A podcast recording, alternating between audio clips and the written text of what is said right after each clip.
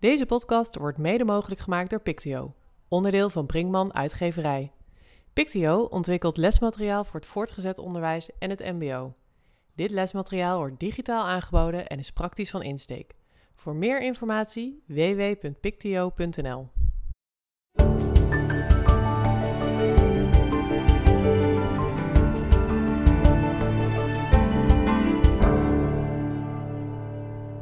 Welkom bij de Pictio Onderwijs Podcast. Een podcast over onderwijs in de breedste zin van het woord. Van kleuterklas tot hoogleraar, van praktijkschool tot gymnasium en van beroepsgericht tot basisschool. In deze onderwijspodcast bespreken we alles van, voor, door en over het onderwijs. Mijn naam is Riet Senise, ik ben onderwijsadviseur bij Stichting NOB. En daarvoor heb ik uh, tien jaar lesgegeven in het binnenland en in het buitenland. Uh, voornamelijk in het basisonderwijs in groep 5 tot en met 8. En mijn naam is Wim Pelgrim. Ik ben docent Nederlands op het Dr. Knippenberg College in Helmond. Uh, en daarnaast hou ik me op allerlei manieren met onderwijs bezig. In het verleden ook uh, politiek bij D66. En uh, ben ook met allerlei ICT-projecten in en rond het onderwijs bezig. En deze aflevering is onze eerste officiële aflevering van het eerste seizoen. Hoe voelt het, Wietse? Ja, onwijs gaaf. Ik, ik heb natuurlijk met Mark Tichelaar gesproken. Het uh, was een heel interessant gesprek. En vooral het, leuke was, ik had met Mark afgesproken. En uh, ja, als verrassing zat daar Oscar ook. Dat was de, de mede-auteur van hun laatste boek. Uh, ja, dat is ontzettend spontaan. En dan krijg je een heel interessant gesprek over onderwijs. En het leuke is, zij komen zelf niet uit het onderwijs. Ze hebben geen onderwijsachtergrond. ze zitten meer in het bedrijfsleven. Ja, en dat vind ik toch ook wel de meest interessante gesprekken als het over onderwijs gaat. Hartstikke leuk. En daar gaan we zo meteen ook, uh, gaan we zo meteen ook naar luisteren. Uh, maar zoals we ook in de pilotaflevering al gedaan hebben, um, gaan we beginnen met uh, het onderwijsnieuws. deze keer niet met onze gasten. die hebben we niet naar een nieuwtje gevraagd, maar we hebben wel zelf allebei wat nieuws meegebracht. En volgens mij komen we stiekem allebei ongeveer op hetzelfde onderwerp uit. Um, namelijk het lerarentekort. Ja, zeker. En dat, uh, ja, we hebben hetzelfde nieuwtje, maar we hebben hem allebei anders geïnterpreteerd. Dus dat vind ik ook wel leuk. En uh, het gaat over uh, dat het kabinet structureel 250 miljoen euro beschikbaar maakt voor de arbeidsvoorwaarden in het primair onderwijs. En nou, ik dacht dat is een leuk nieuwsgesprek, maar jij had dat toch een beetje anders opgevat. Ja, ik um, um, las dat en hoorde dat. Um, en ik, ben, ik zit zelf natuurlijk niet in het basisonderwijs, dus ik ben er niet helemaal in thuis. Maar ik zag al vrij snel ook op Twitter uh, allerlei boze reacties. Omdat ze aangeven van ja, dit, dit geld, dat was er al lang. En Slop presenteert het nu alsof hij uh, een extraatje uh, brengt. Ze hebben het zelfs over misleiding, zag ik in een artikel in het Parool voorbij komen. Um, zo van ja, dit geld was er al. je doet nu net alsof je nog een keer geld geeft. Maar eigenlijk is dat hetzelfde geld. Het enige wat je nu vraagt is, goh, waar zullen we het precies aan uit gaan geven? Um, en um, de minister gaf zelf aan, nee, ik heb zeker geen spijt. Um, ik vind het belangrijk dat de Tweede Kamer het overzicht nu heeft. En ik heb er een persbericht bij gedaan, omdat ik het netjes wilde uitleggen. Dus um, de PO-raad en uh, Slop hebben denk ik de komende tijd wat uit te leggen. Terwijl op zich extra geld voor onderwijs uh, heel positief klinkt. Maar die relatie die is wat uh, verstoord geraakt volgens mij de afgelopen week. Ja, ja en ik zie ook dat die ja, het een beetje van zijn tafel af wil schuiven. Hij, hij legt eigenlijk de bal bij de sociale partners, hè, bij, de, bij de onderwijsbonden en bij de PO-raad. Uh, hij geeft ze de opdracht van ja jongens, ik, ik heb het geld beschikbaar gemaakt en nu is het aan jullie om met elkaar uh, om de tafel te gaan en daar goede afspraken over te maken. Dus hij probeert ook een beetje zijn handen uh, ervan af te houden. En nou, dit gaat nog wel een staartje krijgen inderdaad, ja. Ja, precies. Volgens mij zijn we daar qua, qua hoeveel geld is er voor de zomer hadden we natuurlijk ook al het geld uh, bij het hoger onderwijs waar het nodige in geschoven werd. En um, um, moet het nou wel of niet extra naar beta? En is er wel of niet extra geld? En er waren allerlei staartjes en statistieken. Volgens mij levert extra geld. En hoe framen we dat? altijd politiek gezeik op. Um, maar dit ja, doet wel iets met de verhoudingen. Dus ik ben benieuwd hoe dat, hoe dat gaat uitpakken de komende tijd. Ja, misschien wel leuk in hetzelfde persbericht um, waren ook nog wat andere feitjes uh, naar voren. En een daarvan was dat um, nou, mensen toch echt wel merken dat de werkdruk uh, verminderd is. En daar is natuurlijk ook uh, fors in geïnvesteerd. dus dat is denk ik goed nieuws. En ook de instroom op de PABO's is met 11% gestegen ten opzichte van vorig jaar. Ja, dat komt ook weer deels door de zij-instromers. Dus al met al um, heb ik wel het idee dat nou, de eerste interventies die gedaan zijn en het eerste geld wat verdeeld, verdeeld is, dat dat wel heeft, heeft bijgedragen aan uh, vermindering van werkdruk en hopelijk ook het uh, iets terugbrengen van het lerarentekort. Ja, dat, dat, dat hoop ik ook. Want het probleem dat je ziet, dat, dat, dat is echt gigantisch. En we gaan het er eh, eh, over twee maanden in de podcast in ieder geval uitgebreid over hebben. Ehm, eh, maar het, het probleem als je de, de cijfers ziet is echt gigantisch. Dus ehm, elk stapje helpt een beetje. Maar we moeten wel, eh, hopelijk zetten we een vliegwiel, eh, of zet men een vliegwiel eh, aan het draaien. Wat, wat ook langzaam steeds sneller gaat draaien. Want het, eh, het zijn tot nu toe kleine stapjes, eh, wat mij betreft. Ja, en aflevering 3 is het lerarentekort, hè? Ja. Nou, dan bewaren we de rest voor aflevering 3. Ja, precies. En aan het eind van de aflevering nog eens even vertellen ook wat er in aflevering 2 zit, want dat weten we natuurlijk ook al. Maar zullen we eerst eens beginnen met, uh, met aflevering 1? Ja. Um, want je hebt een gesprek gehad met uh, Mark en Oscar, dat zei je al. Ja. Um, maar wie zijn Mark en Oscar? Ja, Mark en Oscar, dat, uh, dat zijn de, de, de, de eigenaren en de oprichters van de Focus Academy. En zij zitten helemaal in ja, psychologie in het geval van Mark Tichelaar.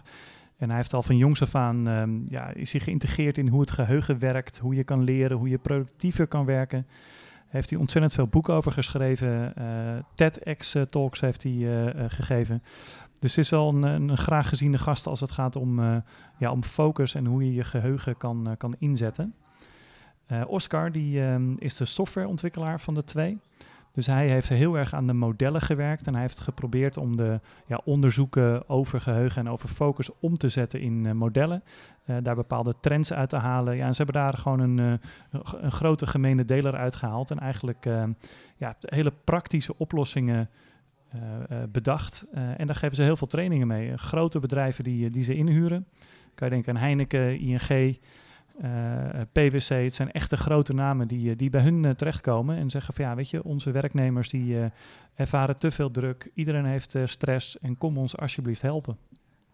Um, het, het, klinkt in eerste instantie niet direct iets waar we als docenten, als, als onderwijsveld direct iets mee kunnen. Dus hebben, hebben ze ook een link met het onderwijs? Ja, nou, het is natuurlijk een beetje een vreemde eend in de bijt en dat heeft ook wel te maken met een van onze Facebook-volgers. Nicole van Rijsbergen, die heeft, uh, ja, die heeft eigenlijk uh, een berichtje gestuurd en gezegd van... hé, hey, Mark Tichelaar, ik luister een aantal van zijn podcasts. Hij zit niet direct in het onderwijs, maar volgens mij heeft hij een ontzettend interessante kijk op het onderwijs. En toen is eigenlijk van het een uh, het ander gekomen. En als je dan kijkt naar waar ze vandaan komen, ja, dan zie je wel die link met, met onderwijs. Want hij is eigenlijk in zijn studententijd is hij al begonnen. En eigenlijk zijn de eerste colleges, dus zijn eerste ja, lessen, uh, zijn letterlijk in de kroeg uh, begonnen. En daar heeft hij zijn studenten eigenlijk geholpen ja, om ook, ook die, die gedragingen, die habits aan te kunnen leren. Waardoor het leren dus veel gemakkelijker wordt. En volgens mij moeten we dan vooral ook gewoon gaan luisteren naar het gesprek met Mark en Oscar. Want volgens mij gaan we als eerste ook horen hoe ze gestart zijn en komen alle habits vanzelf voorbij.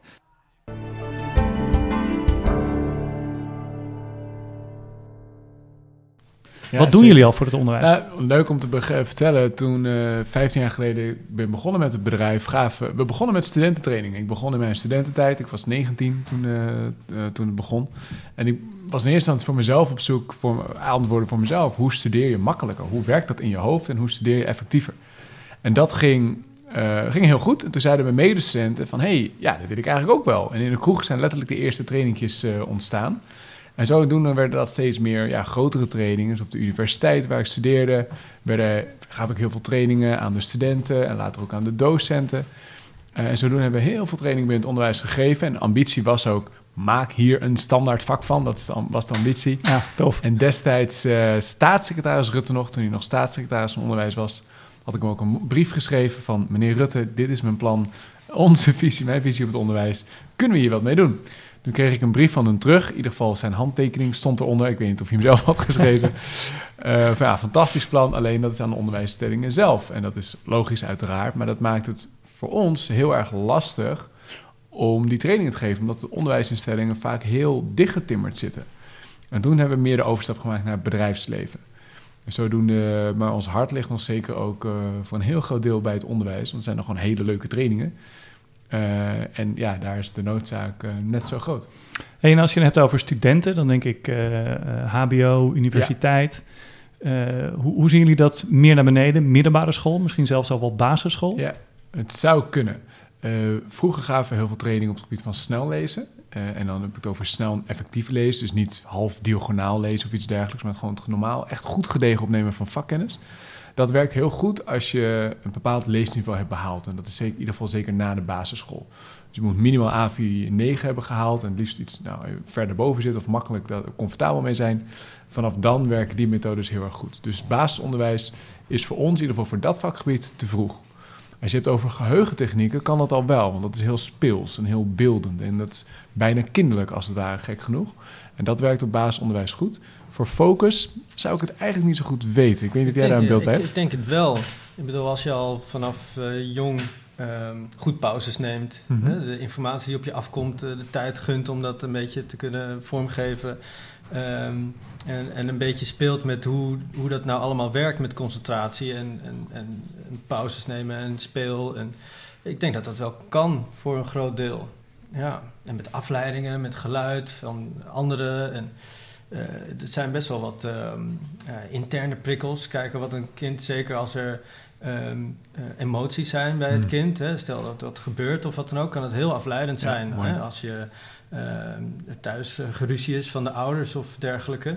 Eh, er zijn heel veel, eh, het hoeft niet meteen dat het heel eh, erg is wat er gebeurt. Maar als je ouders ruzie hebben gehad en misschien eh, niet eens een hele heftige, kan het best wel afleidend zijn de volgende dag voor een kind. Als het kind dan de Ja, tijd heeft om eh, dat op te schrijven voor zichzelf, om even tien minuten dat eh, eh, een plek te geven, ja, dat, dan, dan ben je de rest van de dag weer geconcentreerd. Ja, ja, dus het zit wel echt in, in die, de, de, de basis van je moet eh, eh, ver- een vertrouwd gevoel hebben, je moet een veilig gevoel hebben, want anders dan kom je helemaal niet tot, eh, tot dingen leren of dingen onthouden. Maar Ik ben, ik ben ook wel benieuwd van hoe zit het dan met je hersens, hè? die afleiding en welke Mhm. stofjes komen er dan vrij? En, Ja. zou je een soort van mini-college Ja, kunnen geven dat, dat we weten waar we het over hebben? Laten we dan gewoon beginnen met wat wij, wat wij hebben eh, neergezet voor onszelf. Wat Ja. ons doel was. Ehm, eh, dus we hebben voor onszelf neergezet. eh, voor ons is focus een, een zo lang mogelijke tijd zonder eh, wisselingen. Dus je wisselt van je bewuste aandacht op iets anders. En hoe langer je dat kan volhouden, dat dat één taak is waar je mee bezig bent, hoe beter. En daar zijn dan heel veel onderzoeken naar geweest, naar wat er gebeurt in je brein als je dus wisselt van bewuste aandacht. Elke keer als je wisselt, krijg je aandachtsresidu, noemen ze dat. Dus het kost heel veel tijd om weer eh, terug te komen op een, een denkniveau waar je eh, tijdens de concentratie bent. Je moet allemaal verbindingen maken in je hersenen eh, rondom een taak of rondom een gedachte. En die ga je langzaamaan opbouwen. Dus je bent in je brein allemaal verbindingen aan het maken, verbindingen aan het maken. Als je dan met je bewuste aandacht wisselt naar iets anders. iemand vraagt, heb je even? Of kan nu even snel niet een eh, voorbeeld WhatsApp je. eh, en WhatsApp je of wat dan ook. Ehm, dan ben je daar weer mentaal eh, een, een model aan het maken in je hersenen. En daarna ga je weer terug. En dan moet je weer opnieuw moet je weer graven naar, eh, dat, naar al die verbindingen. En los daarvan zijn de tijd die je dan mist, heb je dus ook nog allerlei negatieve stofjes die je op dat moment aanmaakt, zoals cortisol. En, ehm, en dat kan heel veel stress opleveren. Dus er zitten wat nadelen bij ehm, eh, het, het veel wisselen van eh, bepaalde bewuste aandacht. En, het- de, en als je die lange focus hebt en je bent dat model van die taken waar je mee bezig bent aan het opbouwen en je zit er helemaal in en Ja. je vergeet de tijd, dat is dan wat ze noemen die flow waar je dan Mhm. in komt. Ja. En dat het eigenlijk als vanzelf lijkt te gaan. Ja, en dan heb je, dat is natuurlijk uit het boek eh, van, krijg de naam nooit, Mahali. Siximali. Ehm eh, en, en die beschrijft het nog iets dieper. Die, die zegt dat je ook ehm, het echt daadwerkelijke stress nodig hebt. Is bij hem nog een extra factor. Eh, dat je echt op een eh, wakeboard moet zitten. dat je bijna om kan vallen en heel veel pijn kan krijgen. Zeg maar die stress moet erin zitten voor echt flow. En hij zegt je hebt immediate feedback nodig. Dus dat je als je beweegt, dat je voelt op zo'n wakeboard dat je dan bijna valt of niet. En als het goed gaat, dat je dat ook elke seconde voelt dat het goed gaat. Dat is zijn definitie van, eh, van flow. Kleine tegenstrijdigheid, die stress die is, die is niet goed, maar die stress is ook wel goed. Juist. Ja, Oké, dus- en er- ergens zit daar een. eh, Is dat voor iedereen een beetje hetzelfde, die, die stressfactor? Ik herken bij mezelf bijvoorbeeld heel erg. Ik ga niet met een taak beginnen als ik daar nog twee weken over heb, eh, want ik voel totaal die tijdsdruk nog niet. Stress en deadlines en daarmee ook cafeïne zijn de meest gebruikte focusstrategieën om die reden. Er zit wel een prijskaartje aan, want dan slaat de stress kan ook doorslaan naar negatieve stress. Oh, ik hoop dat ik de deadline haal. Ja, ja, ja. Of, oh, pittige deadline, maar ik heb hem wel gehaald, maar dan pff, ik moet even herstellen. Het truc is dat je er grip op krijgt, controle over krijgt en kunt sturen, dat je niet afhankelijk bent van iets op het laatste moment doen. En dat is je palet vergroten. En dat is grip op focus krijgen in ons Oké, dus eh, in plaats van dat je steeds eh, wacht tot die deadline, zeg je eigenlijk je moet wat andere habits eh, jezelf aanleren. eh, Exact. want die stress heeft ook een, eh, een keerzijde. En, Ja, eh, stress ja. is dus goed, maar als het, het is een uit, ander woord voor stress is uitdaging. Dus dat is goed. Het is leuk als je geprikkeld wordt. Ja. Hetzelfde ook een synoniem daarvoor. Maar het moet niet doorslaan in sluimerende stress of echt hele heftige, intense stress. Beide is niet fijn. En ik kan me ook voorstellen dat je, wat je ook zegt, na die stress moet je ook even de tijd kunnen hebben om te herstellen. Absoluut. Om even geen stress te hebben, om vervolgens weer dat stressniveau een beetje De soort van op te realiteit kunnen is bouwen. vaak, als je in een, in een bepaalde setting zit waar dingen lekker in beweging zijn, never a dull moment, veel ballen in de lucht. Als je in zo'n setting werkt, dan is er altijd wel een deadline. Ja. En het geeft ook reuring. Dat is ook voor een deel de lol. Maar er ligt dus ook een heel groot gevaar dat je niet kunt herstellen van een deadline. En dan, dan, le- dan teer je in op een gegeven moment. En dat is onderdeel van ons werk om dat te minimaliseren of weg te halen. Hoeveel stress iemand ervaart, wordt niet zozeer bepaald door wat iemand doet, maar door hoeveel of hoe weinig oplaadmomenten iemand heeft. Je kunt de hele dag gigantisch geprikkeld worden, superleuk. Dat is allemaal oké, mits je voldoende echte pauzes hebt. En daar, daar hebben we een bepaalde definitie van, daar kunnen we het zeker zo over hebben. En als je die hebt, dan is er niks aan de hand.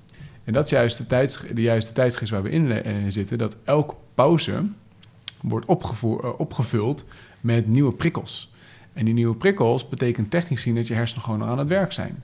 Dus een pauzeprikkel is misschien, oh, ik vind het leuk om op Instagram te zitten. Ik vind het leuk om WhatsApp te beki- bekijken. Ik vind het leuk om een basketbalwedstrijd online te bekijken, om iets willekeurigs te noemen. Eh, eh, dat zijn allemaal leuke dingen, maar leuk is niet het criterium voor een pauze. Een pauze is volgens onze definitie dat je geen nieuwe informatie opneemt. Dat is criterium 1. En tweede is je bewust een beetje gaat afdwalen met je gedachten. Een beetje lantefanteren, hak op de tak met je gedachten. Dat zijn de twee voorwaarden die nodig zijn om een bepaald gebied in je hersenen te activeren, wat het default mode network heet. En default mode network kan je zien als de, het benzinestation van je hoofd. Je tankt daar letterlijk even bij. En alleen als aan die twee voorwaarden wordt voldaan, kun je tanken, kun je opladen, kun je relaxen. Geen nieuwe informatie en afdwalen. Hoe vaak komt het niet voor dat je in de pauze nog even een podcast luistert? Superleuk. Even nu.nl. Even nu.nl. Ja. Dat is allemaal technisch Het voelt heel werk. ontspannend. Het nadeel is, er komt dopamine vrij, omdat het, het zijn leuke nieuwe prikkels. Ja. En die, die dopamine maskeert de inspanning. Maar het put je lichaam en met name je hoofd wel uit. Nou, ik moet wel zeggen, na, na, na de pauze eh, zit ik altijd even gewoon eh, 10 minuten op kantoor uit het raam te kijken. Omdat Ja. ik gewoon niet... Dat is de aan beste werken toe pauze. Dat is de pauze, ja. En dat Ja, is- het- heb je het let- ook gewoon niet Nee, je, hebt gewoon het, je, leeg, je, ja. je benzine is gewoon letterlijk op. Eh, eh, even eh, sporten bijvoorbeeld, lekker potje voetbal in de pauze. Hoe is, hoe is dat dan? Ja, daar, daar, hebben we, daar hebben we zelf ook veel discussies eh, eh, over. Eh, want één, Slaande de- ruzies? Ja, nee. Nou ja, nee één, één, het is natuurlijk ehm, ehm, heel, heel positief. Hè? Je, hebt, je sport, je beweegt. Het is meer dan gezond. Dus je, je wil eigenlijk geen, geen slecht woord erover doen. Maar is het een heel intensief potje voetbal, is het niet per se eh, voor je hersenen de beste pauze. Omdat exact. je best wel heel erg ge- zijn, ge- zijn we het gewoon eens? geconcentreerd zijn. Ja. Nou, bij Kijk, deze we zijn bereikt. Ja. Maar ehm, eh, wat je wel vaak ziet, is dat als iemand gaat sporten of wat dan ook, is dat je dan eerst heel intensief goed bezig bent met je lichaam en dat daarna of daaromheen wel veel momenten zitten van eh, dat je geen informatie eh, opneemt. Hè. Stel dat je naar een voetbalwedstrijd gaat, dan heb je het omkleden, Ja. eh, de warming-up, eh, Ja. allemaal momenten van ehm, heel veel goede pauzes en, en ook nog gezond bewegen. Dus daar. ehm, ehm, Het, het zit er waar je precies Ja. op aan, aanduidt. En de essentie met sporten is... Sport is per definitie natuurlijk goed voor je lichaam. Ook voor je geest, maar niet per se dus als pauze. En dat hangt met name af van de intensiteit. Als je heel fanatiek yoga doet of heel fanatiek voetbalt... dan ben je gericht op hetgeen wat je aan het doen bent. En omdat je dan niet aan het afdwalen bent, ben je niet aan het tanken. Eh, Ja. En dat is, dat is een beetje de vuistregel. En wat je terecht opmerkt in de momenten eromheen... ja, dan is het vaak... een, een warming-up is niet super intensief. Dus dan is het... of omkleden is niet intensief. Dus dan ben je gewoon een beetje aan het... ja, je gedachten de vrije loop aan het laten gaan. En dat is de essentie van opladen. Geen nieuwe informatie tot je nemen En afdwalen. en afdwalen. Wandelen, uit het raam kijken. Eh, En als je in je focus zit, eh, als, je afleidt, als je afgeleid wordt, ben je af. Betaal daar een ook prijs voor? Je, het, het is heel normaal natuurlijk dat je onderbroken wordt in hetgeen wat je aan het doen bent. Maar je moet daarvan herstellen. En dat kost één tijdelijk IQ-punten. En Je IQ blijft hetzelfde, je IQ, IQ kan niet veranderen, maar je kunt minder van je effectieve IQ gebruiken, laten we het zo zeggen. Eh, en er gaat een, kan vaak een stressprikkel bij gepaard gaan. Oh, de wisseling kan leuk zijn. Het kan een leuke, een leuk WhatsAppje. Het feit dat je wisselt is een soort schrikreactie voor je hoofd. Hebben wij de vier concentratielekken nu al eh, tussen neus en lippen Nee. door eh, aangetipt? Nee, nog niet helemaal. We systematisch even doorlopen? Laten we dat doen. Voor je beeldvorming als luisteraar is dat eh, misschien makkelijk. Het eerste concentratielek noemen wij te weinig prikkeling. En te weinig prikkeling ontstaat als iets te simpel is, te saai is of te traag gaat. Als wij bijvoorbeeld deze podcast op dit tempo verder gaan praten over de hersenen en focus, dan gaat het niet lang duren voordat je als luisteraar gaat Dan afhaken. haken we af. Dan gaat het te traag, dan is het te simpel. Dus dat is een uitdaging. Dat ont- ontstaat bijvoorbeeld vaak tijdens lezen. Tijdens het lezen van een verslag denk je halverwege het verslag... oh, ik moet die niet nog even bellen. Oh, ik moet dat dan nog even doen. En aan het eind van de pagina heb je geen idee meer... wat je net hebt gelezen. Dan is dat concentratielek van toepassing. Dat is nummer één. Idem ook bij gesprekken. Bijvoorbeeld bij gesprekken, bijvoorbeeld eh, soms met kinderen... Hè, die wat, wat langzamer kunnen praten soms. Soms heel snel uit enthousiasme, maar soms wat langzamer kunnen praten. Dan kan je daarvan afdwalen... omdat je dan je hoofd schiet naar bijvoorbeeld je takenlijst. Dat is concentratielek 1. Concentratielek 2 is te weinig brandstof. En te weinig brandstof, waar we het net al een klein beetje over hadden, letterlijk gezien, is te weinig, te weinig energie, te weinig benzine in je hoofd. Even heel plat vertaald. En je noemde net, wat zijn de stofjes? De stofjes zijn noradrenaline en acetylcholine. Dat is letterlijk twee, hoe je dat schrijft, succes. Ik heb het ook op de spellingcorrectie gedaan. Twee stofjes. Eh, twee stofjes, punt. Eh, en deze twee neurotransmitters zijn letterlijk... eh, eh, eh, Neurotransmitters, ja, ja, je, eh, je, je mogelijkheid om gas te kunnen geven... om ergens aandacht voor te hebben, wat het ook mag zijn. Ja. Als het weinig van die stofjes zijn, dan wordt je aandacht... Ja, die waait met alle winden mee. Dan kan zelfs een mug die voorbij vliegt je afleiden bij spreken. Eh, derde concentratielek zijn te veel interne prikkels. En interne prikkels is een ander woord voor je eigen hoofd.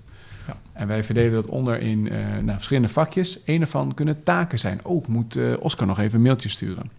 Of dat kunnen ideeën zijn. Hé, hey, ik heb een heel nieuw idee voor een nieuw boek, bijvoorbeeld. Nee hoor, schapje. Maar stel dat. Gelukkig. Eh, eh, of Een oplossingen stressmomentje. ja, of eh, oplossingen, eh, of oplossingen voor vraagstukken. Dat is hetzelfde. Ja. Het kunnen ook emoties zijn, zowel positief als negatief. Ja, Dat lijkt me een hele persoonlijke eh concentratielek, waar sommige Emoties? mensen helemaal geen last van hebben. Nou, die interne prikkels. Ja. Eh, Het is- maar net hoe, hoe relaxed je leven misschien ook is of zo. eh, als je een gezin hebt met drie kinderen en je hebt ze net eh, bij de crash eh, gebracht, eh, eentje huilend en je zit nog half in de auto eh, erover na te denken. check. De meeste mensen, ik ben benieuwd wat jouw antwoord is, maar de Ja. meeste mensen is het wel een dominante interne prikkels. Ja. Ik weet niet of jij dat zo... eh, Ja, ik denk het ook. En, en niet per se dat het, het... Het is ook een beetje de techniek of je daar iets voor hebt voor jezelf. Eh, er zijn heel veel trucjes van. ehm, eh, om, dat, eh, om daarmee om te gaan. Of je dingen opschrijft bijvoorbeeld. Of als je een takensysteem hebt wat heel goed werkt of dergelijke. Eh, of dat je als je de volgende dag naar je werk gaat, dat je dan je tas al bij de deur neerzet. Eh, als je heel veel van dat soort trucjes gebruikt om je interne prikkels uit je hoofd te halen, eh, dan scheelt het al enorm. Los van of je eh, heel persoonlijk eh, veel emoties hebt van ja, iets eh, zwaars. Dus daar zitten ook nog wel heel veel trucus of habits weer om Ja. die Ja. interne prikkels Habits, toch habits, gewoon... inzichten, ja. Ja. Trucjes heeft een hele negatieve weerklank, maar... Ja. Eh, eh, ik hoop, ik, hoop niet, ja, ik hoop niet dat dat het is, want het, is, het zijn manieren om je leven makkelijker te maken. Om minder, zeker. Want een ander woord voor, nou, bijvoorbeeld voor emoties, is piekeren. Nou, en als, je, als je piekert, ja, dat, dat is niet fijn. Sommige mensen hebben dat bijvoorbeeld als ze gaan slapen of als ze wakker worden tijdens slapen of overdag. Ja, er zijn trucjes voor om daar minder last van te hebben. Maar is dat dan slecht? Nee, dat is alleen maar prettig. Dat is alleen maar relaxed. Ja. Eh, nog een ander vakje, dus we hebben het gehad over eh, taken, ideeën, emoties. Nog een ander vakje, misschien iets minder belangrijk, zijn fysieke prikkels. En fysieke prikkels zijn bijvoorbeeld ook, moet naar het toilet. Of, eh, oh, ik heb rugpijn. Of dat soort elementen. Dat zijn de interne prikkels. En tot slot, de vierde concentratielek zijn externe prikkels. En externe prikkels zijn e-mail, telefoon en collega's. Met name Met name collega's. collega's. Ja. Ja. Als je dan kijkt naar, ehm, naar het onderwijs, hè, want we hebben het Mhm. nu eh, gewoon over mensen die aan het werk zijn. Ja. Eh, zit die systemen waar jullie het over hebben, is dat al van jongs af aan zo? Of zijn die hersens gewoon nog een beetje anders ingericht? Ja, de hersenen die- zijn nog niet volledig volgroeid. Met name de, het voorschilte van het hoofd, de prefrontale cortex. Dus wij noemen dat je denkbrein, dus je analytisch vermogen. Heel simpelweg gezegd, eh, je IQ bevindt zich daar. eh, Je aandacht bevindt zich daar. Dat voorgedeelte van je hoofd is pas uitgegroeid op je dertigste levensjaar. Uh, nou, ik weet niet hoe oud je bent, maar... Uh, de 30 gepasseerd, dus Oké, okay, maar volgroeid. ja. ja, je bent... Ja, ja, ja. Oh, ik ga nu naar Maar dan beneden. gaat naar beneden, Ja. Eh, nu is dat wel eh, eh, flexibel, dus het is niet alleen maar naar beneden. Dus nu niet eh, elke dag wordt het minder, dat is niet het geval. Maar het is ieder pas volgroeid op je dertigste levensjaar. Eh, dus bepaalde dingen kun je nog niet. Eh, je inhiberend vermogen bijvoorbeeld, is dit in je, in- dus het, het, het, het niet reageren op prikkels. Eh, het kunnen eh, blokkeren van prikkels of oh, ik, eh, ik zie een glas wijn, ik drink hem gelijk op. Ik zeg maar dat niet kunnen weerstaan van, van een prikkel. Dat zit in je inhiberend, dat zit in je prefrontale cortex. Eh, dat zie je bijvoorbeeld ook bij kinderen. En dat is best wel boeiend. Ik heb een dochter van twee. Nou, haar prefrontale cortex, ze weten hem inmiddels aan te wijzen. We hebben geleerd, waar zit je neus? waar zit je prefrontale cortex? Eh, maar ehm, die is tot simpelweg nog niet volgroeid bij haar, nog bij lange na niet. Die, is- die, dus zij, logischwijs, is heel impulsief. Kinderen kunnen heel Ja, impulsief zijn. ja, ja. Dat komt omdat dat onderdeel van het brein nog niet volgroeid is. Dus er zitten nog wat anatomische verschillen tussen volwassenen, en dan hebben we het over 30 plus, versus mensen onder de 30. Daar zit een verschil in. We gaan eh, even toch eh, nog weer verder een stap naar het onderwijs maken. Ja, En eh, ja, ik wil eigenlijk een beetje hoog over beginnen. Ik ben heel benieuwd van wa- wat is jullie, wat is jullie gewoon persoonlijke visie op, laten we zeggen, het, eh, het onderwijs? En dan bedoel ik wel PO en VO. En waar zitten volgens jullie ook de pijnpunten in dat, in dat onderwijssysteem? Hm. Dat is een grote vraag. Ja, ja het, het eerste wat we op, op zeg maar, praktisch, het is natuurlijk een grote vraag wat je stelt, maar Ja. praktisch gezien zou ik in eerste instantie denken we altijd aan eh, dat het leren leren een, een groot onderdeel eh, zou moeten zijn van de opleiding.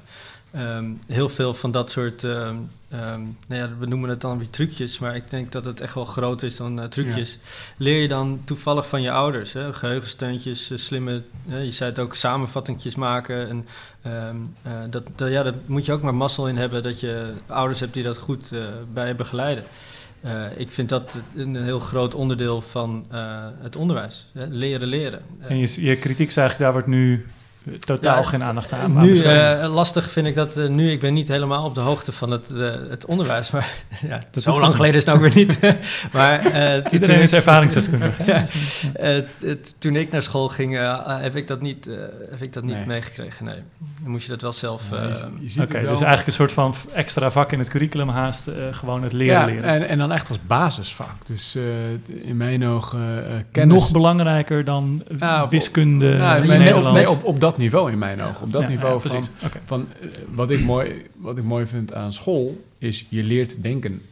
En eh, kennis verandert. Eh, ten tijde dat jij een schoolboek leest, is het al, nou, afhankelijk van hoe snel de doorloop is, maar kan het al een paar jaar oud zijn dat Zeker. van de kennis die erin staat. Acht jaar, als ik me niet vergis. Een methode maken duurt eh, zo'n acht jaar inderdaad. Ja, Ja, exact. Dus dan, dan is het al redelijk verouderd wat je leert. Zeker, En ja. eh, leren leren is, is, en, dat is, en leren denken, dat zijn twee aparte dingen natuurlijk. Maar in mijn ogen in het verlengde van elkaar, dat vind ik een basisvaardigheid. En eh, dat is één. Ik, eh, wat ik daarnaast ook... eh, eh, dat is ook iets wat je als individu, als, individu dus als leerling met name eh, kunt doen. Ik vind ook zeker, dat dat moet gefaciliteerd worden vanuit school. Dat mag duidelijk zijn. Maar als je kijkt op een iets ander niveau, vanuit de, vanuit de onderwijsinstelling of vanuit de leerkracht zijnde, kun je ook een aantal dingen doen. Eh, en dat kan direct, zeg maar. Hoef je niet een aparte lesmethode voor te ontwikkelen of een aparte. kun je ook gelijk doen. En een mooi voorbeeld van vind ik het Fins onderwijssysteem. We hadden het in het voorgesprek hadden we het er al een klein Ja, beetje ja. over. Eh, dat wordt wereldwijd gezien als een van de beste onderwijssystemen ter wereld. Eh, dus dat dubbelop, maar Ja, dat is de niet. Extra Eh, duidelijk. extra duidelijk, onderstreept, met een uitroepteken erbij, vet gedrukt. Eh, en dat vind ik heel boeiend, want dat is echt anders dan bijvoorbeeld het Noors onderwijssysteem. Wat toch eh, nou, enigszins, eh, in ieder geval in een andere, als je, andere, als überhaupt eh, eh, alle Scandinavische landen bekijkt, is het Fins onderwijssysteem echt duidelijk anders. Ehm, dat is super boeiend. En ehm, wat daar bijvoorbeeld een kenmerk is, is dat zowel leerlingen als docenten na elke les 20 minuten pauze hebben. En dat is super gezond. Dat heeft één als voordeel. Wederom, je moet, wat Oscar terecht zei, na elke wisseling moet je herstellen. Aandacht restitueren. Een deel van je aandacht blijft hangen bij het voorgaande waar je mee bezig was. Oftewel, als je van de ene les naar de andere les hopt, dan, eh, dan blijft een deel van je hersenen nog hangen bij de vorige les. Dus je bent er letterlijk niet 100% bij. Dus je hebt letterlijk niet 100% aandacht. Dat is één. Twee, afhankelijk van uh, verschillende beetje per onderzoek wat je leest, die benzine waar we het eerder over hadden, die noradrenaline en acetylcholine, die ruikt op. Als jij, je kunt letterlijk niet de hele dag je boog gespannen houden. Dat is fysiek gezien onmogelijk. Wanneer je leer je het effectiefst, nou, je hebt een, een soort stappenplan, als je een soort, een soort spectrum hier, wederom, aan eerste instantie in het leerproces moet een bepaalde mate van concentratie zijn. Als die er niet is, ja, dan kun je het perfecte geheugen hebben, maar er komt simpelweg letterlijk niets binnen. Dus eh, concentratie staat in het begin van het spectrum. Je moet interesse hebben. Speelt, oh, nou, ieder zult ook nog meespelen natuurlijk. Maar concentratie in ieder geval ergens in het begin is dat, is dat een belangrijke factor. Uh, naam onthouden vind ik ook zo'n mooi voorbeeld erin. De meeste mensen horen de naam van de ander niet eens. Al heb je het perfecte geheugen, ja, als je hem niet hoort, dan uh, valt er niks te onthouden. Klopt, ja. ja. Concentratiedingetje. Concentratie kan niet de hele dag door plaatsvinden. Dat moet in fases gaan. Dat moet letterlijk, zoals de titel van ons boek ook zegt, focus aan, focus uit. Het is letterlijk een knop. Uh, maar dat focus uit moet je letterlijk ook faciliteren als onderwijsinstelling. Dus er is nu in mijn ogen een veel te grote nadruk op dat focus aan gedeelte. We moeten de, lesuren maken. Daar zijn natuurlijk ook criteria voor, allemaal helder. Ja. Maar we moeten uren maken. Je moet van één les een andere les, één les, andere. Hoe meer kennis we erin stoppen, hoe meer er ongetwijfeld wel ergens blijft hangen. Maar gek genoeg heeft dat een averechts effect. Het werkt effectiever door minder lesuren te doen. Gewoon letterlijk één lesuur, gewoon nou, wederom om, om de lesuur een 20 minuten pauze. Dat is lang. Uh, en dan bij voorkeur ook dat men dan niet op zijn of haar telefoon zit, want dan is dat technisch gezien nog doorwerken. Alleen het onderwerp is wellicht ja. leuker dan een geschiedenis die dus is, uh, Frankrijk, uh, waar ze de mobiele telefoons uh, gewoon verbannen ja. hebben uit de, uit de middelbare school. Fantastisch. Ja, ja. En dan gaat, dat gaat een, een, gevecht worden, want het is enorm verslavend. Zowel voor de docenten als de leerlingen. wordt heel vaak als, als oh, de leerlingen zijn zo verslaafd. Nou, kijk maar eens in de lerarenkamer. Wat gebeurt er tijdens de pauze? dus dat is universeel. Dat is niet alleen jong, dat is ook jong en oud. Uh, maar dat is één facet. Uh, heel veel pauzes. En een lesuur, ja, die moet niet heel veel langer duren dan drie kwartier. 50 minuten misschien, maar dat is wel een beetje, beetje de max. Wat, haast voor mijn gevoel een beetje in de kern van het onderwijs raakt. Uh, raakt. waarbij momenteel best wel een, een nadruk ligt op prestatie, mm -hmm. toetsing ja. en, en, het cijfer wat je moet halen. En daar ja. wordt naartoe gewerkt. Hebben jullie het idee dat dat al zeg maar een allereerste denkfout is? Dat, dat het niet gaat om Weet uiteindelijk dat testen van die kennis, maar dat het meer gaat om ja, als je leert leren en als je leert denken. Ja, ja en dat, dat moet je, nu eenmaal kun, doen. Dat kun je natuurlijk ook toetsen, hè? Dus dat is op zich... Ja, tuurlijk. Dus ja. Nou, het, gaat, het gaat me niet per se om, dat je, om het toetsen, maar het, het zit heel erg op de kennis wordt getoetst. En niet zozeer ja, hoe nee, goed kan je leren of hoe goed ja, kan precies. je denken. Nou, de, de, kennis is per definitie gedateerd. Dus de toets die je haalt is... Uh, nou, wat, hoe meeste mensen leren, hoe meeste leerlingen leren... überhaupt de meeste mensen leren, is de dag van tevoren. Ja. Want ik heb een SO, oké, okay, dan ga ik de dag van tevoren ga ik even stampen. De tijd die je, die je uh, wanneer je begint met leren... staat ongeveer gelijk aan hoe lang het blijft hangen, even plat gezegd. Dus als jij de dag van tevoren uh, gaat leren, beginnen met leren, blijft ongeveer een dag hangen in je geheugen. Even heel, er zijn wat nuances in, maar even heel ja, plat gezegd. Als jij een week van tevoren begint met leren, en dan zeg ik niet dat je meer moet leren, maar meer gespreid gaat leren, dan blijft het ook langer in je geheugen hangen. Okay. Uh, dus, dat is, dus de feitenkennis is een, is een, ja, wat meet je eigenlijk? Dat is maar de vraag. Vaardigheden is interessanter, want vaardigheden, als het goed is, blijven. Als je weet hoe je namen kunt onthouden, dan is dat een skill die over het algemeen blijft ieder met uh, uh, woorden leren, grammatica-regels leren, historische data leren, dan kan de inhoud van, van kan veranderen. Historische data van een bepaalde periode versus historische data van een andere periode. Maar de vaardigheid blijft. En dat, dat is een lifelong skill. En gaat het jullie dan uh, om het aanleren van de vaardigheid? Of gaat het jullie om het aanleren van de kennis? Waar, waar, waar, waar zet ja, jullie de beide balans? is belangrijk natuurlijk. Ik, ik, ik, ik, ben geen onderwijskundige, dus daar, ik ben ook geen docent. Dus ik kan daar niet een, ik kan niet een streep zetten. Maar ik, ik denk dat, we, dat ik voor ons beiden spreek... dat, dat er een, een groter accent dan nu op de vaardigheid mag. En of dat nou 50-50 moet zijn, dat lijkt me niet. Maar, maar bij wijze van spreken meer dan dat het nu is in ieder geval. En die vaardigheden, dan hebben we het over het leren leren en het leren denken als, als vaardigheden. Ja, ja. Ja. En wederom, dat is één kant van de medaille. Aan de andere kant kan je als onderwijsinstelling dus ook, of, en docent ook een aantal dingen doen. Ja. Door te kijken van hoe, hoe, regel, hoe faciliteer je, dat die zin kwam ook tevoren in ons voorgesprek, hoe faciliteer jij of hoe blokkeer jij als docent zijn de, de focus van je leerlingen? Ja, dus even, even hoog over. Die weeffouten in het onderwijsbestel ehm, is dat, dat er eh, simpelweg de, te weinig eh, pauzes zijn, eh, bijvoorbeeld. Maar dat, ook een, element, een, ja. een soort van vakgebied En de goede pauzes Mist. natuurlijk Ja. kunnen faciliteren. En dat lijkt me de, de moeilijkste uitdaging. Dus je kan wel 20 minuten extra pauze doen, maar het lijkt me ehm, een hele moeilijke en creatieve uitdaging om ervoor te zorgen dat, dat, dat die kinderen in die 20 minuten ook daadwerkelijk even rustig uit het raam kunnen kijken, een ommetje lopen. Ja, En dat ze even geen informatie eh, binnenkrijgen. Wat me heel lastig lijkt als je met 30 Ja. eh, hele interessante kinderen zit. Met, waar je heel veel eh, interessante gesprekken mee wil voeren. Nog veel leuker dan die Ja, drie kwartier die je daarvoor hebt gehad. Tegelijkertijd sta je wel een heel interessant punt aan, eh, vind ik. Want als je nu kijkt naar de jeugd, eh, eh, die worden, zitten continu op een mobiel. Dat is denk ik wel een beetje, dat is wel een Ja. beetje de tendens, dat is een beetje overduidelijk. Met als gevolg dat ze heel weinig offline zijn of heel weinig zich vervelen.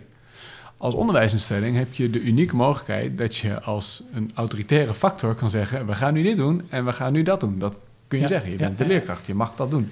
In bepaalde context kan je dat, kan je dat sturen. Eh, maar dan kan je dat dus ook faciliteren en zeggen: jongens, we gaan nu niet op de telefoon zitten. Of letterlijk, zoals in Frankrijk, we halen ze weg en we gaan nu wat anders doen. Dat je ze letterlijk een rustpunt op de dag geeft. In mijn ogen, mijn vriendin is klinisch psycholoog. En zij voorziet, en ik deel die mening volledig, dat er een toename gaat zijn in eh, de aanmelding bij psychologische zorg. Om de simpele reden, we kunnen niet meer omgaan met ongemakkelijke gevoelens. Ongemakkelijke gevoelens worden al heel gauw opgevuld met, oeh, pak wel even mijn mobiel erbij. Oh, er valt een stilte in een gesprek, ik pak even mijn mobiel erbij. Oeh, ik voel me even, ik moet denken aan een vervelende emotie. Oeh, ik pak wel even mijn mobiel erbij. Je wordt niet meer weerbaar. Want als er dan echt Ja. shit gebeurt, als er dan echt heftige dingen gebeurt, ben je dan nog wel weerbaar om daarmee te dealen. Dus je zoekt even dat dopamine-shotje Exact. en eh, je gaat weer door. Exact. Ja. De Spain voor volwassenen noemen we het ook wel. Of de Spain voor kinderen. Oké, Dus ja, de ja, telefoon. ja, dat is mooi. Maar als je dat eh, als, wederom, als leerkracht heb je de mogelijkheid om, om mensen daarmee indirect weerbaarder te maken. Ja. Door zich letterlijk laten te vervelen. En ja, er zitten contouren aan. En ja, er zit uitdaging aan. Maar dat Ja. kun je wel regelen. Ja, kijk, binnen, binnen, binnen zo'n organisatie van zo'n school is dat natuurlijk vrij lastig om te zeggen: oké, eh, de, de bel gaat, jullie gaan je nu 20 minuten vervelen. Weet Dat je, is dat, dat, dat, is moeilijk. Zeker. Je kan ze Eh, wel een ander antwoord geven. Je kunt ze wel iets simpels laten doen. Je kunt bijvoorbeeld ze simpel laten tekenen. Iets simpels tekenen. Eh, verveling is niet per, per definitie niks doen. Het, criterium is in dit geval dat je gaat afdwalen. Dat Ja, is je doel. Maar afdwalen kan ook bij een hele simpele taak. We hebben het gevoel van meer lesuren is meer kennis dat er blijft hangen, blijft plakken. Ja. Dat heeft een averechts effect. Het is gewoon meer een beetje, we, we schieten met hagel en we Exact. hopen dat er dat het Als je, eh, als je met die hagels weghaalt en gewoon een paar eh, eh, losse dingetjes gerichte doet. schoten. Het wordt wel Ja, een beetje een ja, er wordt- er wordt een raar met- Gericht Plus- gesloten op het onderwijs, daar zijn we voor. Oké. Plus, Ja. plus het wordt, maakt, het, maakt het leren gewoon een heel stuk leuker. Ja. eh, ik heb echt niet altijd een leuke tijd gehad op school. En dat, eh, Ja, en dan, en dan, wat met de binnenschoten is, toen je dat zei, dan heb je dan zo'n hele dag erop zitten.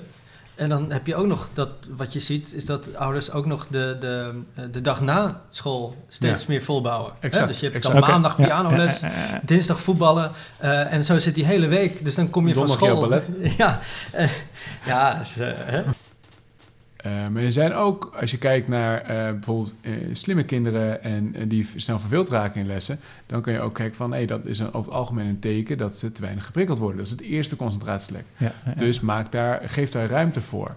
Bijvoorbeeld laat kinderen tekeningetjes maken in de les. Dat, dat, dat doedelen. Ja, ja. Of geef ze iets te friemelen wat geen geluid maakt en wat niet irritant is voor anderen. Als de taak simpel is, dan is het prettig om iets simpels, het kernwoord is simpel, erbij te doen. Eh, eh, voor sommige kinderen waar de taak al heel pittig is, als die er nog iets bij doen, ja, dan is dat alleen maar ballast. Dan schiet het door. Ja. Een andere concentratie, de interne prikkels, die kun je ook integreren in het onderwijs. Heel mooi wat je een voorbeeld aangaf. Als, mensen, als je merkt van, hé, hey, een kind is, is emotioneel. Nou, het zijn allemaal eh, emotionele interventies die je kunt doen. Nou, als docent zijnde is dat een deel van je vak. Maar heel, heel terecht wat Oscar zei, van laat het kind het hoofd leeg door het simpelweg op te schrijven. Het opschrijven van dingen, met name emotionele dingen, maar ook taken. Nou, taken zal het minst van toepassing zijn op kinderniveau. Eh, maar van, oh, ik moet nog even een nieuw judopak halen. Nou, waarschijnlijk kreeg je die ouderstap. Weet je? Dus dat, is, Ja. dat zal niet minst zijn. Maar emotioneel zal wel het geval zijn. Ideeën zal ook misschien nog afhankelijk van de leeftijd, afhankelijk van de persoon ook nog meespelen. Of laat ze een soort parkeerlijst maken van... hey, schiet je een nieuw idee te binnen voor ja, whatever wat je vanmiddag gaat doen. Schrijf het even op een blaadje. Ja. Dat, dat kan je ook inzetten. En externe prikkels, laatste concentratielek... Ja, daar kun je ook naar kijken. Hoe is, met met name, hoe is de klas ingericht? Dan was een tijd geleden, was NRC eh, had, had ons geïnterviewd, heel erg leuk, over ook de kantoortuinen. En toen was er daarna een reactie over dat er ook kantoortuinen zijn in onderwijsinstellingen. Ja, dat is natuurlijk heel boeiend. En dat is dus killing voor de productiviteit en killing voor de concentratie en daarmee killing voor de IQ-punten van een kind. Ja. Wederom, IQ blijft hetzelfde, maar hoeveel IQ-punten kun je gebruiken van je, F- eh, van je IQ? Eh, dus daar zijn al die facetten van het, van, van het model wat we hebben ontwikkeld, de vier concentratielekken, die kun je in meer of mindere mate één op één inzetten in het onderwijs. En dat is dus dat, weet je, los van dat hele onderwijsbestel omgooien, kan je ook gewoon Ja. zeggen, begin klein. Exact. Wat kan je nu als Zeer leerkracht zeker, in de zeer klas zeker, doen? Zeer zeker. En daar hoor ik wel een, eh, weet je, eigenlijk de eerste waar je mee begint, eh doedelen. laat ze een extra simpele taak doen op het moment dat het te simpel is. Ja. Dan springt natuurlijk heel gauw de term multitasken om Ja, de hoek. En dat eh, mag natuurlijk niet. En dat is volledig achterhaald. Multitasken is fantastisch voor je brein eh, om meer focus, meer flow en meer aandacht te hebben. Maar, er zit een hele grote maar in uiteraard. Als je die doodles in 3D gaat tekenen met schaduweffecten, ja, dan slaat het door. Dan ga je wisselen met je aandacht. En wederom, als je wisselt, ben je af. Ja. Dus de kern van multitasken, van goed multitasken, is eigenlijk dat je niet doorhebt dat je twee dingen tegelijkertijd doet. En jouw definitie. En als je dat hebt, als je niet door dus twee dingen tegelijkertijd doet, dat betekent dat de taak die je erbij doet, het doedelen of iets in je handen houden of whatever, dat dat geen bewuste aandacht vraagt. En dat is de kern. Het moet Opvulling, ruis. de- exact. Dus als je als leerkracht het onderscheid kan, kan maken van... hé, hey, deze is aan het afdwalen uit verveling... en deze haakt af omdat hij het gewoon niet meer kan volgen... dat is het verschil. En als iemand het uit verveling afdwaalt... dan moet je er iets simpels bij geven. Je kan moeilijkere sommen geven aan die persoon, dat is één. Je kan dus de taak pittiger maken, Ja, dat is ja. optie één. Eh, of in, als je met iemand één op één spreekt... kan je wat sneller gaan praten. Dan maak je ook wel de taak iets uitdagender. Eh, eh, of je kan iets simpels ernaast doen, het multitasken het, idee. Ja. Aan de andere kant, als je merkt dat iemand afhaakt omdat het gewoon te pittig is, ja, dan moet je dus letterlijk de informatie makkelijker maken. Dat kan ook al zijn langzamer praten, nou, et cetera, et cetera. Dus het hele didactische spectrum komt dan om de hoek kijken. Hoe valt mediteren eh, daartussen? Dat is namelijk ook wel hip en happening, met name basisonderwijs. Mediteren, daar hebben we ook, het is veel discussies over. Mediteren is eigenlijk, eh, dat heeft heel erg te maken met het default mode network, waar Ja. we het over eh, hadden. Eh, er zijn heel veel studies erover gaande, hoe dat met elkaar eh, te maken heeft. Je, je activeert je default mode network. En wat je dan leert bij mediteren is dat elke keer als er een gedachte omhoog komt, dat je dat leert om eh, los te laten. Een beetje kort de, de, Ja. de essentie daarvan. En dat maakt eigenlijk, zodra je default mode network aangaat, maakt het dat rustiger. En dat heeft dan weer met je interne prikkels te maken. Stel dat je uit het raam gaat kijken, dan kan het zijn dat het helemaal niet rustig voor je is, omdat er heel veel, eh, nou misschien emoties naar boven komen op dat moment. Hè? Want je default mode werd gedaan, je gaat verbindingen maken en dan kan heel veel omhoog schieten op dat moment. Ja. Eh, en dan ehm, eh, kan het weer heel erg bewuste aandacht van je vragen, waardoor Mhm. je niet echt een lekkere pauze hebt, want je bent aan het piekeren op dat moment. Dus dan zit je uit het raam te kijken, maar er is weinig pauze, want je bent aan het piekeren over een heel moeilijk onderwerp. Ehm, eh, in dat geval zeggen wij, schrijf het op en allemaal dat soort adviezen. Eh, er is ook de, de kunst van het mediteren, is dat als er dan een gedachte omhoog komt, dat je dat leert los te laten. Zodat je als je in een default mode network zit, dat, je daar, eh, dat die rustiger is. Dus je ziet dan minder activiteit in de hersenen als je default mode network hebt. Mindfulness, is dat nog de moeite waard om er ook erbij te pakken? Zit nog een verschil tussen? Ja, het is een beetje hetzelfde spectrum. Mindfulness is, eh, eh, eh, kan heel goed zijn. Eh, me- het is een beetje hetzelfde, het zit een beetje in hetzelfde hoekje. Dus, Ja.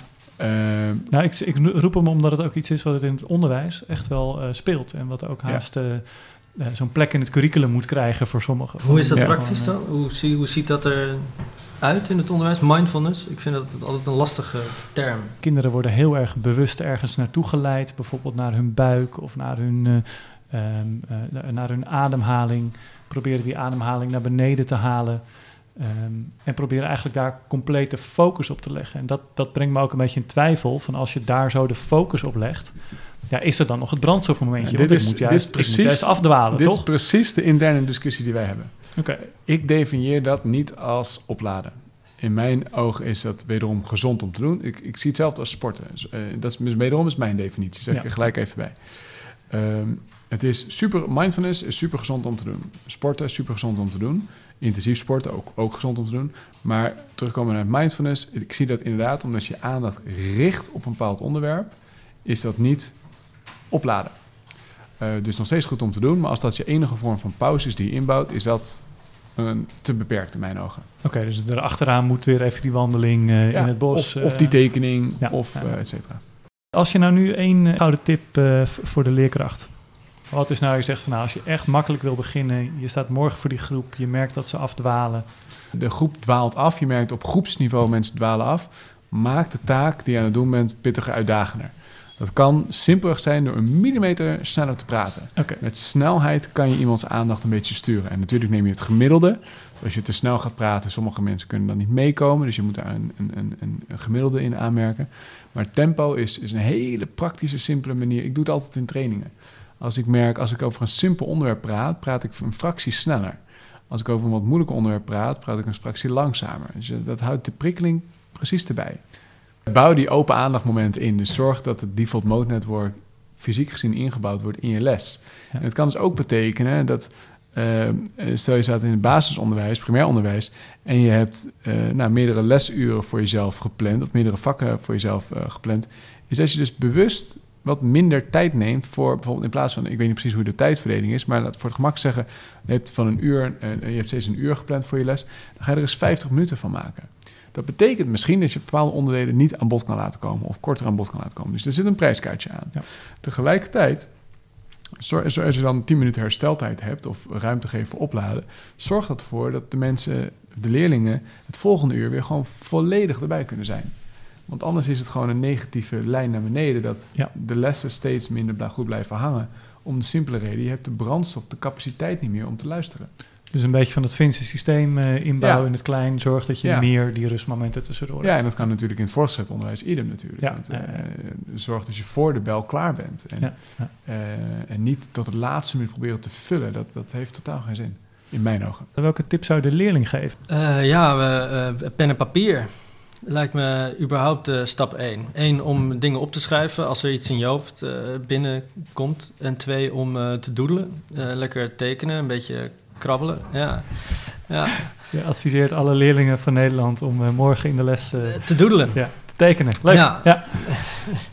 Ja en, en je zegt ook pen en papier, dingen die in, in je hoofd opkomen, schrijf ze op. Ja. Want dan zijn ze uit je, Uit uit je systeem. Ja. Ja. Heb jij nog de gouden tip voor de leerling, Mark? Als je je verveelt eh, tijdens de les, hou iets kleins in je handen. Ik heb heel vaak een paperclipje eh, eh, in mijn hand of een lipje in mijn hand. En iets super kleins in je hand houden, het valt niet op. Maar het zorgt ervoor dat je aandacht bezig wordt gehouden en niet afdwaalt naar, oh, ik ga vanmiddag voetballen met die en die. Oh, ik moet straks nog even dat doen. Oh, bop, bop, bop, bop, bop. Ja, ja. Dus iets heel kleins in je handen houden, wat dus niet een pennetje is. Want dat gaat, als je gaat klikken, wordt heel irritant. Of ermee gaat, sommigen kunnen er hele vette trucjes mee, maar dat leidt ook af. Ja. Gewoon iets heel kleins, iets onschuldigs. Niet je telefoon, niet, niet je sleutels, maar gewoon een klein lipje, paperclipje of whatever. Je hebt ook van die speciale dingen ervoor. Fidget hè? Van die- cubes. ja, fidget cubes en van die tangles. Dat, eh, Ja. Zolang het geen geluid maakt, dan is het oké.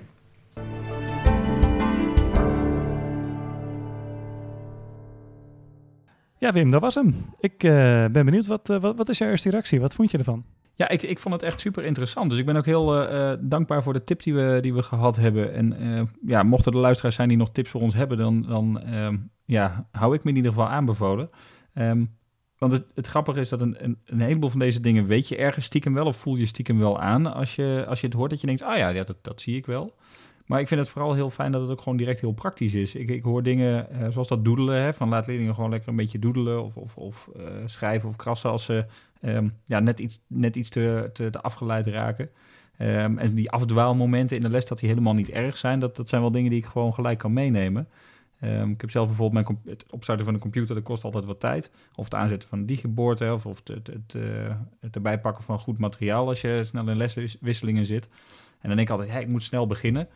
Ehm, terwijl het dus eigenlijk helemaal niet zo erg is als ze met wat vertraging beginnen. Want dan zijn ze even geland en dan, dan kunnen ze daarna ook die focus weer wat eh, makkelijker vinden. Dus het zijn, het zijn hele praktische tips. En dat vond ik vooral eh, met een heel stuk achtergrond waarvan je denkt van... oh ja, dan snap ik ook waarom dat, eh, waarom dat zo is. Dus ik vond, een, ik vond een mooi gesprek. Ja, en wat ik zelf herkende was dat mindfulness. Ik heb dat in mijn, mijn groep 5 heb ik dat wel gedaan. En ja, ik vond het wel het, het snijvlak tussen het is een goed, het is een goede geheugenpauze, het is een goed eh, eh, oplaadmomentje en het is niet een goed oplaadmomentje. Dat is vind ik wel heel belangrijk om je te realiseren. Dus niet mindfulness is bij voorbaat eh, goed om te doen. Hè, als, je, als je leerling weer even wil, wil laten opladen. Maar dat je dat wel zo moet inrichten dat je dan daarna alsnog een soort van doodle momentje hebt. Dat is nog van, zo'n soort van wegdwaalmomentje inbouwt. En dat die mindfulness alleen niet voldoende is. En ik herken dat ook wel, dat ik, dat ik zo'n mindfulness oefening deed en kinderen er helemaal in zaten. En dat ik aan het einde dacht, nou oké, weet je, iedereen heeft zijn momentje gehad en huppakee, weer volle bak door. Maar eigenlijk kwam de echte ontlading kwam juist als die oefening af was. Dat kinderen toen ook weer de behoefte hadden om, uh, om even te ontladen, zeg maar. Ja, ik, ik merk dat bij leerlingen bij ons altijd aan het eind, we hebben op woensdag aan het eind van de middag zitten er flink wat uren achter elkaar zonder pauze. En dan heb je dat, dan merk je dat aan leerlingen ook gewoon, dat, dat, dat ze eigenlijk te lang achter elkaar heel, te intensief bezig zijn geweest. En dan moet er ergens gewoon even moet er wat uit. Maar goed, dat is bij onszelf dan ook. Dat, uh, bij de mindfulness heb jij waarschijnlijk niet tegelijkertijd meegedaan en de boel gecoördineerd. Maar bij het lesgeven heb je dat natuurlijk wel. Dat je er allemaal vol in zit. En zeker als dat een paar uur achter elkaar is, dat je ook bij jezelf merkt van hé, hey, de tank begint aardig leeg te raken. Hey, misschien leuk als je nu uh, luistert en je denkt: hey, ik heb ook een, een tip voor, uh, voor leerkrachten in het basisonderwijs, voortgezet onderwijs, om uh, ja, even dat opfrismomentje te doen, even dat bijtankmomentje. Laat het ons weten via Facebook, Facebookgroep Onderwijspodcast. Uh, we zijn ook op Instagram te vinden. Hoe is het ook alweer, Wim, bij de Instagram? Dat is ook Onderwijspodcast. Fantastisch. En LinkedIn groep? ja, dat is linkedin.com slash groups slash 8805729. Maar je kunt ook gewoon in, in het zoekvakje Pictio Onderwijspodcast intikken. Dan, dan vind je ons ook vrij snel. En dan hebben we Twitter nog. Ehm, daar is het Onderwijscast. Want Onderwijspodcast was een te lang woord okay. voor Twitter. We zijn benieuwd naar de reacties. Zullen wij nog even naar uh, de volgende af? Ja, de, de, de volgende aflevering. Um, die gaat over curriculum.nu. Uh, want uh, we hebben natuurlijk in, op 10 oktober wordt het gepresenteerd aan de minister. En wij vonden het wel mooi om daar aandacht aan te besteden. Want er wordt toch ook in lerarenkamers en overal in het land veel over gepraat. En um, ik ga in gesprek met een van de teamleden, een van de mensen die heeft meegewerkt aan het stuk over Nederlands. ook wel praktisch, want ik geef zelf het vak, dus ik kan dat ook wat makkelijker misschien dan, dan volgen. in ieder geval makkelijker dan rekenen en wiskunde. Um, en jij gaat in gesprek met Theo Dauma, volgens mij. Ja, Theo Dauma. En hij is voorzitter van het College van Bestuur van Openbaar Onderwijs. En hij is ook de voorzitter van curriculum.nu. Dus ik ben heel benieuwd naar zijn kijk op hoe het allemaal gegaan is. Uh, want het, ja, dit traject is al lang geleden gestart. Dus dat gaan we nou, even uh, goed met elkaar doorspreken. En we gaan niet alleen de makkelijke weg kiezen, we gaan ook echt wel de kritische noten uh, bij ze neerleggen. Dus heb jij nou ook vragen over curriculum.nu aan, uh, aan Elianne of aan Theo, laat het ons weten. En dan nemen we die vragen mee in de podcast. En uh, ik denk nog wel belangrijk voor mensen die deze podcast als eerste voor het eerst horen. Uh, abonneer je op onze podcast in je podcast-app of uh, abonneer je in Spotify of bij Apple Music.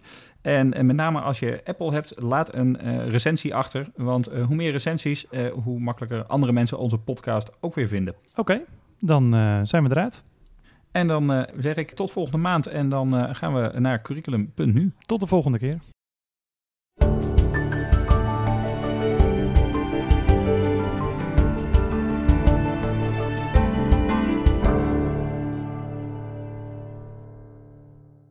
Deze podcast wordt mede mogelijk gemaakt door Pictio. Voor meer informatie www.pictio.nl